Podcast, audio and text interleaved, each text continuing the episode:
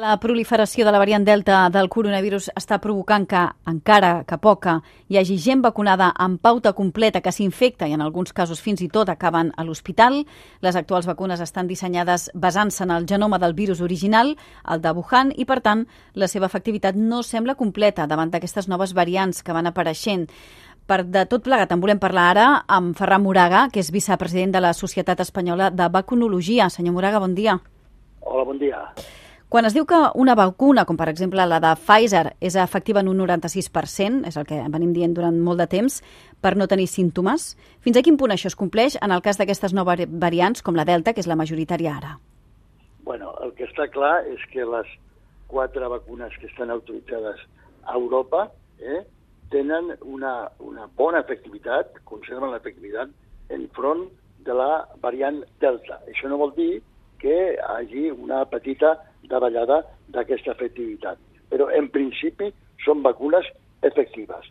Lo important és que, a més a més de la vacunació, eh, se segueixin totes les mesures preventives. No? Uh -huh. no, no podem estar vacunats i no fer totes les mesures preventives com és portar mascareta en llocs tancats o guardar les distàncies eh, de, de físiques o, o el rentat de mans, totes aquestes mesures que s'han anat dient aquests últims mesos.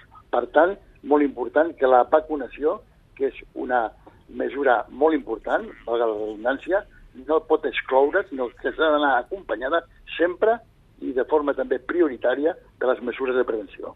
Podríem, eh, parlàvem de la vacuna de Pfizer, que posàvem com a exemple, que es deia que era un 96% d'efectivitat, però aquesta efectivitat la podem concretar ara amb la nova variant, aquesta, la Delta? Quina tindria bueno, ara? Miri, s'ha vist amb un estudi eh, poblacional que es va fer a, que s'ha fet a la a Regne Unit, perquè són les dues vacunes que s'han administrat durant mesos, que aquestes vacunes, si tenen la pauta completa, és a dir, les dues dosis, tenen una gran efectivitat eh, en front de la eh, variant Delta, no? una mica més superior en el cas de la vacuna de Pfizer, superior al 90%, però molt a prop del 90% en el cas de la vacuna d'AstraZeneca.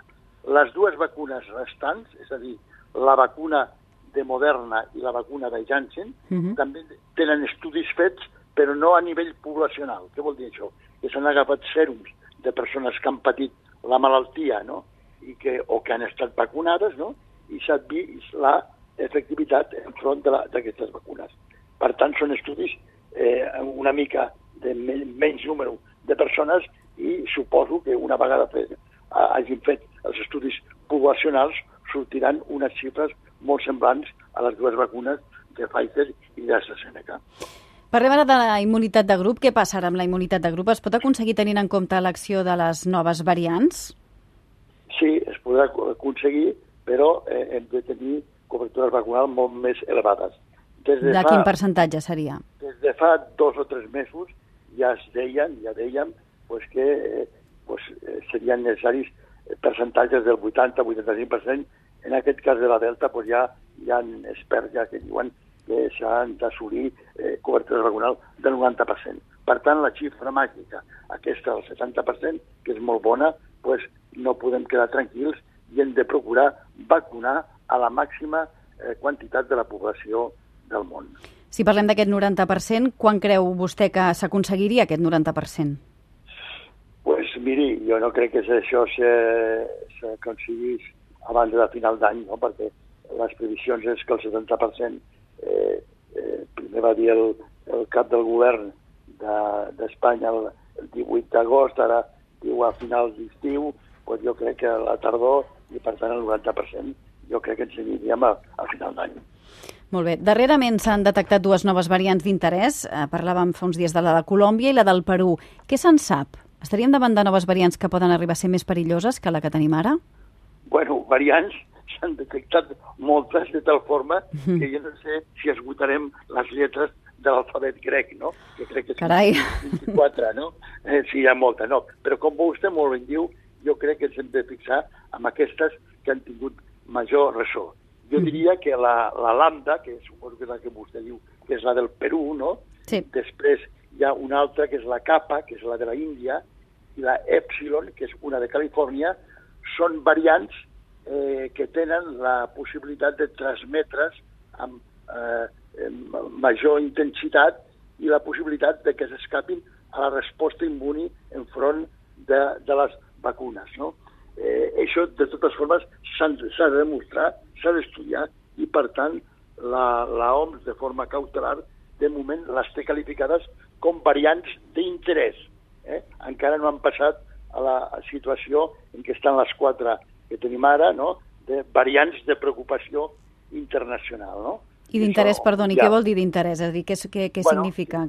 Què comporta? Que sí, és a dir, que s'ha vist que tenen problemes, no? però eh, s'ha de veure la quantitat de major transmissibilitat té, la, si s'escapen a la immunitat vacunal i, per tant, si poden passar a l'escalafon, per dir-ho així, de les quatre variants de l'alfa, beta, gamma i delta. No?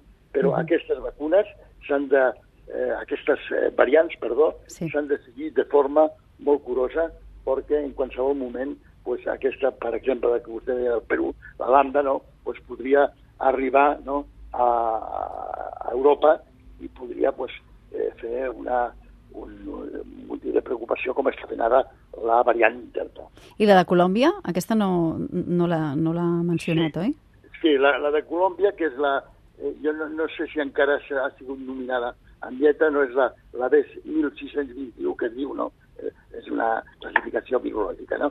Eh, aquesta també és una variant que està preocupant, no?, i que amb motiu de la Copa Amèrica pues, eh, s'han vist casos a, a Brasil, on es va celebrar la final, i sembla pues, que té una, una major transmissibilitat i també un major, eh, diríem, una major fugida a la resposta immune eh, de les vacunes.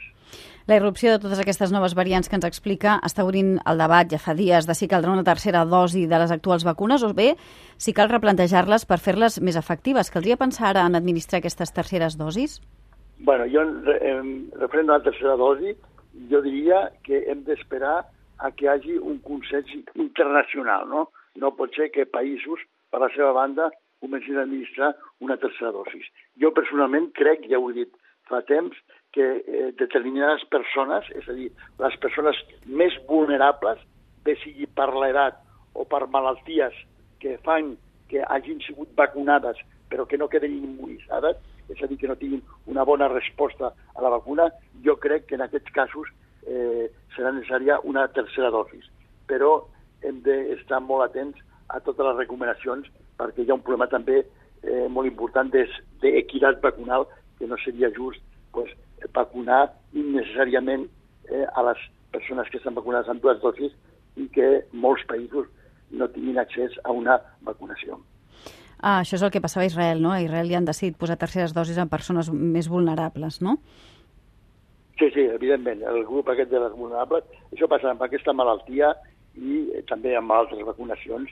Hi ha persones pues, que han de, eh, si pensant en l'hepatitis C, per exemple, no? pues que hi ha persones que s'han de revacunar en funció de que el seu estadi immunitari, el seu sistema immunitari no ha mm. fet una bona resposta a les vacunes administrades.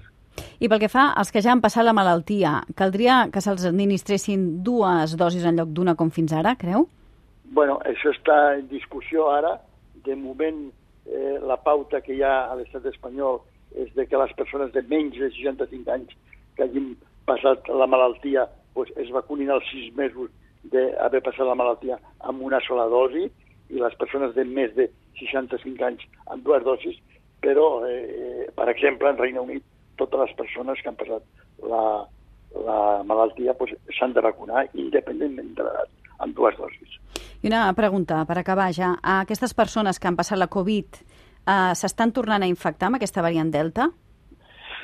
pues no, no, no, no és, no és un percentatge molt important. Eh? De la mateixa forma que veiem que vacunats, vacunats s'estan infectant, però no estan en malaltia, o de forma molt excepcional, no? eh, jo que jo sàpiga, no, tampoc tinc totes les dades, mhm. -huh. no és un percentatge molt important de, de reinfeccions. Perfecte, doncs Ferran Moraga, vicepresident de la Societat Espanyola de Vacunologia, moltíssimes gràcies per donar una mica de llum a tot aquest tema de les variants i de les vacunes que preocupa a la majoria i fins a la pròxima, bon dia. Bon dia, bon dia.